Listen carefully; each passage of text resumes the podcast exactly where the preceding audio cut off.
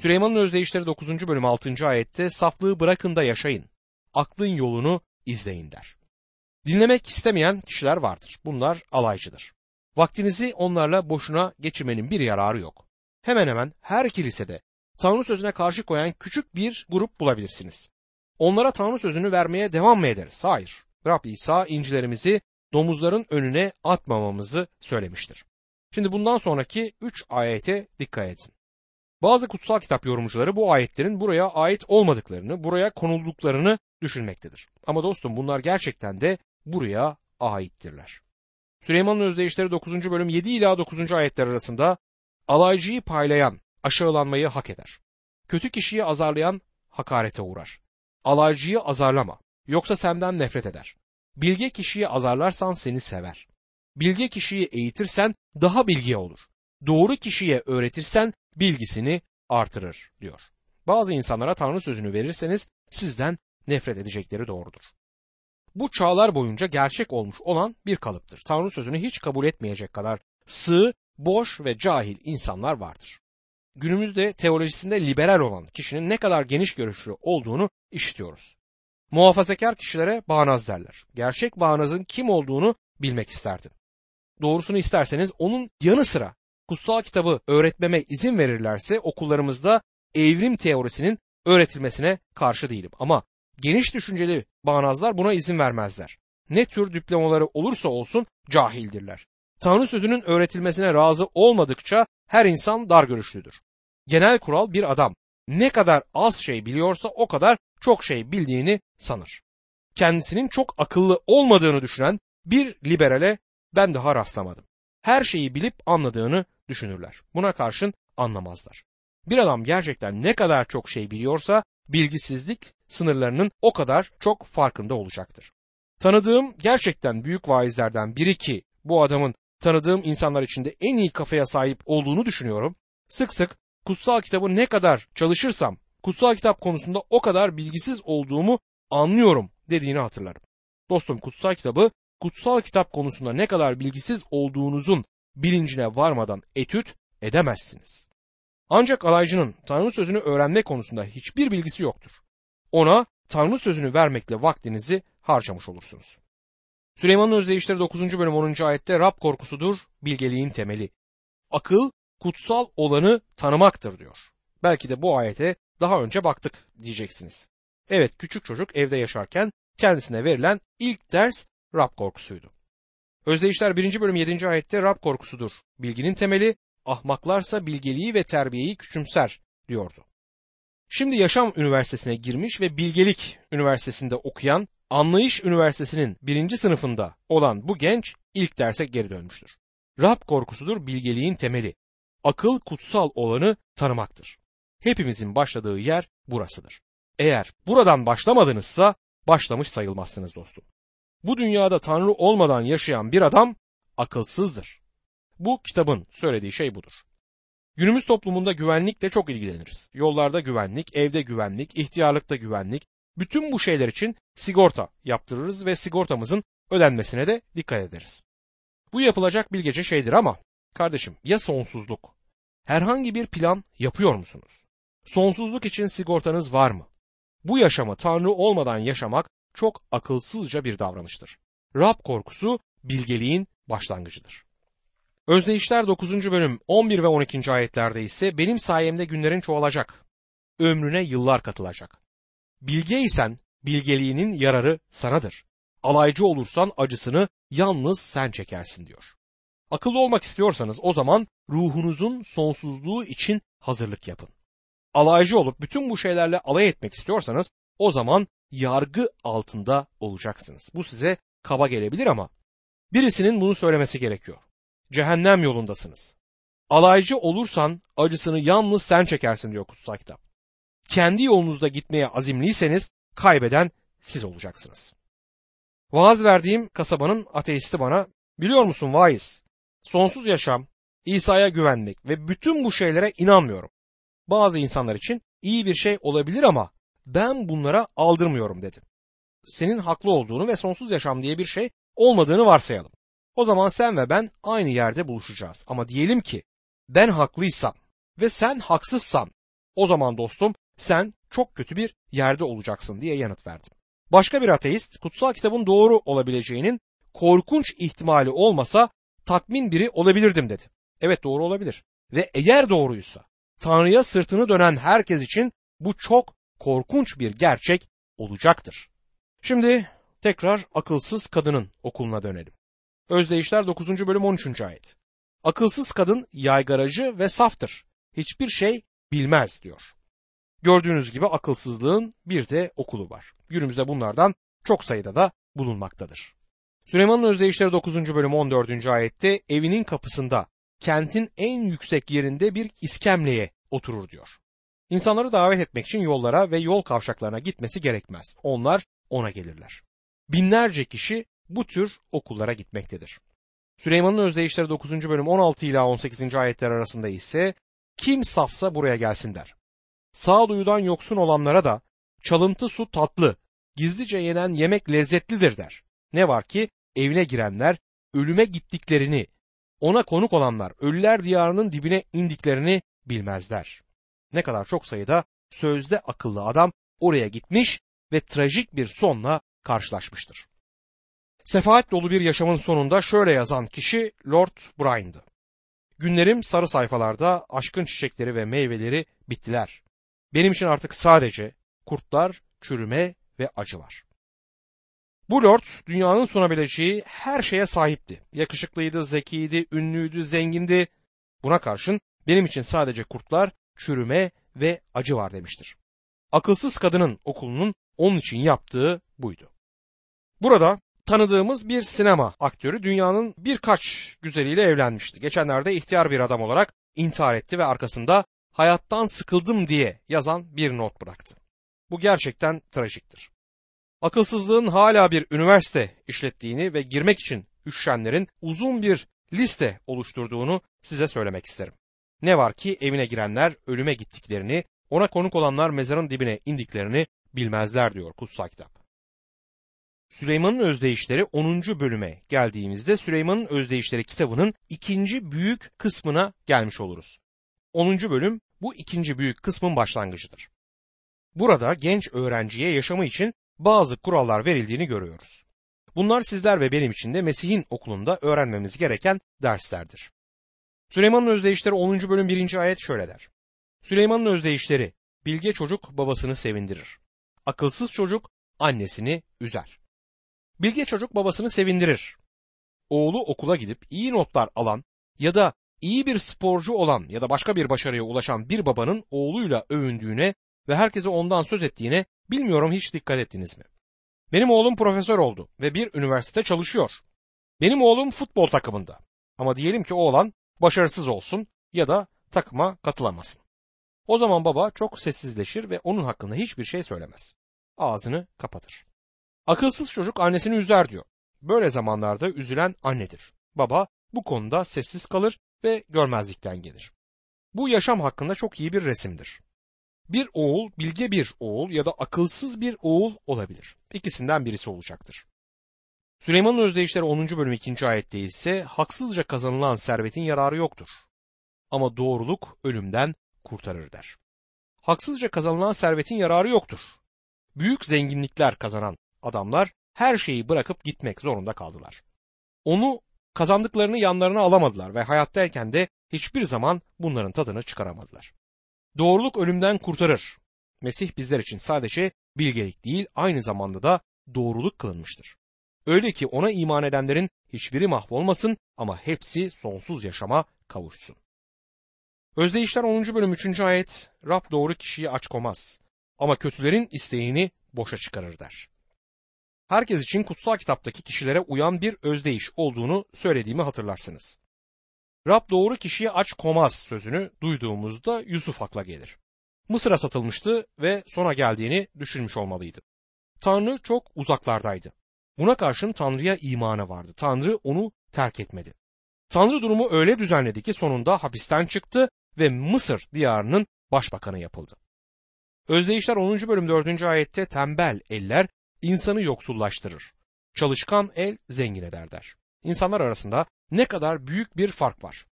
Bazı harikulade Hristiyanlar çok cömert Diğerleri ise çok cimridir. Cimri kişinin her zaman sinirli olması da ilginçtir. Buna karşın cömert kişi hayat doludur. Sizce bu ayet İbrahim'e uyuyor mu? İbrahim cömert bir adamdı. Yeğeni Lut'a diyarın istediğin kısmını al ben de geri kalan tarafını alırım demişti. Malını bu şekilde bölen bir adam epey cömert birisi olmalıdır. İbrahim'in seçme hakkı vardı. En iyi yerin iyi sulanmış Ürdün Vadisi olduğunu tabi biliyordu. Lut İbrahim'in oraya taşınmayarak akılsızlık ettiğini düşünmüş olmalıydı ama İbrahim Lut'a seçme fırsatı vermiş olduğundan ovadaki verimli toprakları seçti. Ve tembelce ve bencilce en iyisini kendisine seçti ama sonunda her şeyi kaybetti. Ama çalışkan eller zengin eder diyor. Kutsal kitapta birbiriyle birlikte olmayacak iki tane sözcük vardır. İman ve tembellik bir arada olamaz. Tembel bir Hristiyan Tanrı'ya gerçek imanı olan bir Hristiyan değildir. Çalışkan olan, çalışacak, uğraşacak olandır. Bu bana elçi Pavlus'u hatırlatır. Rab onu çağırdığında tembel birini çağırmadığı kesindi. Süleyman'ın özdeyişleri 10. bölüm 5. ayette aklı başında evlat ürünü yazın toplar. Hasatta uyuyansa ailesinin yüz karasıdır der. Yine içinde tezat olan bir özdeyiş görüyoruz. Akıllı olduğu söylenen çocuk yazın çalışan çocuktur. Tembel çocuk hasat zamanında uyuyan çocuktur. İşi yapacak olan o değildir. Genç Hristiyan dostum, Tanrı'nın size eğitmek ve size öğretmek istediğini anlamanız gerek. Ben gençken küçük bir kilisenin pastörüydüm. Kendimi tatmin edilmiş hissetmiyordum. Tanrı için orada yapmakta olduğumdan daha fazlasını yapmak istiyordum. Beni ilahiyat öğrenmeye ve kutsal kitabı etüt etmeye zaman ayırmaya teşvik eden harika bir karım var. Zamanı doğru kullanıyordum. O dönemden olabildiğince yararlandım ve bundan ötürü de Tanrı'ya çok teşekkür ediyorum. Bir kilisenin pastörlüğünü yapar, radyo ve konferans hizmetlerini sürdürürken birisi bana her zaman çok meşgulsün. Hazırlıklarını ne zaman yapıyorsun diye sordu. Hayatta yaşadığımız zamanı etüt etmeyi öğrenmeliyiz ve Tanrı'nın o hazırlığı kullanmama yardım ettiği zaman gelmişti. Günümüzde Tanrı tarafından kullanılmayı isteyen her gence öğüdüm şudur. Kendinizi hazırlamaya başlayın. Aklı başında evladın ürünü yazın topladığını hatırlayın. Süleyman'ın Özdeyişleri kitabındaki bu bildiriler harika, sonsuz gerçeklerdir. Bu gerçekler sizi göklere yükseltecek gerçekler değil, yaşadığınız yerin kaldırımlarında hizmet vermek için donatacak gerçeklerdir. Sizin işinize yaramıyorlarsa onlarda değil sizde bir bozukluk vardır. Süleyman'ın özdeyişleri 10. bölüm 6. ayette bereket doğru kişinin başına yağar. Kötülerse zorbalıklarını sözle gizler der. Burada eski antlaşmadaki iki adam hakkında çok güzel bir resmi görüyoruz. Bereket doğru kişinin başına yağar sözü bana Samuel'i hatırlatıyor. Kötülerse zorbalıklarını sözde gizler sözü ise bana Saul'i hatırlatır. Özdeyişler 10. bölüm 7. ayette doğrular övgüyle, kötüler nefretle anılır der. Bunu düşününce birkaç yıl önce ünlü olan ama bugün solmakta olan birkaç kişi aklıma geliyor. Bu nesilde yaşayan kişilerin bundan sonraki 50 yıl içinde unutulacakları düşüncesindeyim. Buna karşın Tanrı için bir şeyler gerçekleştiren Dwight Moody gibi kişilerin anısı yaşamaya devam edecektir. Özdeyişler 10. bölüm 8. ayette bilge kişi buyrukları kabul eder. Çenesi düşük, ahmaksa yıkma uğrar der. Çenesi düşük kişi kendisini bir şey sanır. Buna karşın bilge kişi buyrukları kabul eder. Daniel'in öğüdünü dinleyip başarılı olan Nebukadnezar adlı bir kral olduğunu hatırlatmak isterim. Belshazzar adlı başka bir kral daha vardı ki bu kişi akılsızdı. Bir gece verdiği kraliyet şöleni kendisinin ve krallığının sonunu belirledi. Daniel 5. bölümde bu öykü vardır. Özdeyişler 10. bölüm 9. ayette dürüst kişi güvenlik içinde yaşar ama hileli yoldan giden açığa vurulacaktır der. Bu gerçek günümüzde doğruyu söylemek en iyisidir sözüyle yaşatılmaktadır. Özdeyişler 10. bölüm 10. ayette sinsice göz kırpan acılara neden olur. Çenesi düşük ahmak da yıkıma uğrar der. Burada oldukça ilginç olan bir şey var. Göz ve ağız görüş birliği içindedir. Bir adamın bir şey söyleyip göz kırptığını görürseniz söylediğini gerçekten söylemek istediği anlamına gelir. Ağzıyla kafasıyla görüş birliği içinde değildir. Görüş birliği içinde olmadıklarında bu büyük ölçüde acıya neden olacaktır. Bu ayet kime uygun? Yahuda'ya mı? Yahuda'nın öpücüğünün bir ihanet öpücüğü olduğu kesindi. Öpücük sevgi ve muhabbeti belirtir. Ama onun için kesinlikle böyle değildi. Özdeyişler 10. bölüm 13. ayette akıllı kişinin dudaklarından bilgelik akar. Ama sağduyudan yoksun olan sırtına kötek yer diyor. Bütün dünya Süleyman'ın bilgeliğini duymaya gelmişti ama sağduyudan yoksun olan sırtına kötek yer sözü oğlu Rehavam'ı niteler. Bilge ihtiyarların öğüdünü dinlemek üzere kendisiyle birlikte büyümüş olan gençleri dinledi. 1. Krallar 12. bölümde bunu görüyoruz. Sonuç olarak ulusunun bölünmesine ve iç savaşa neden oldu.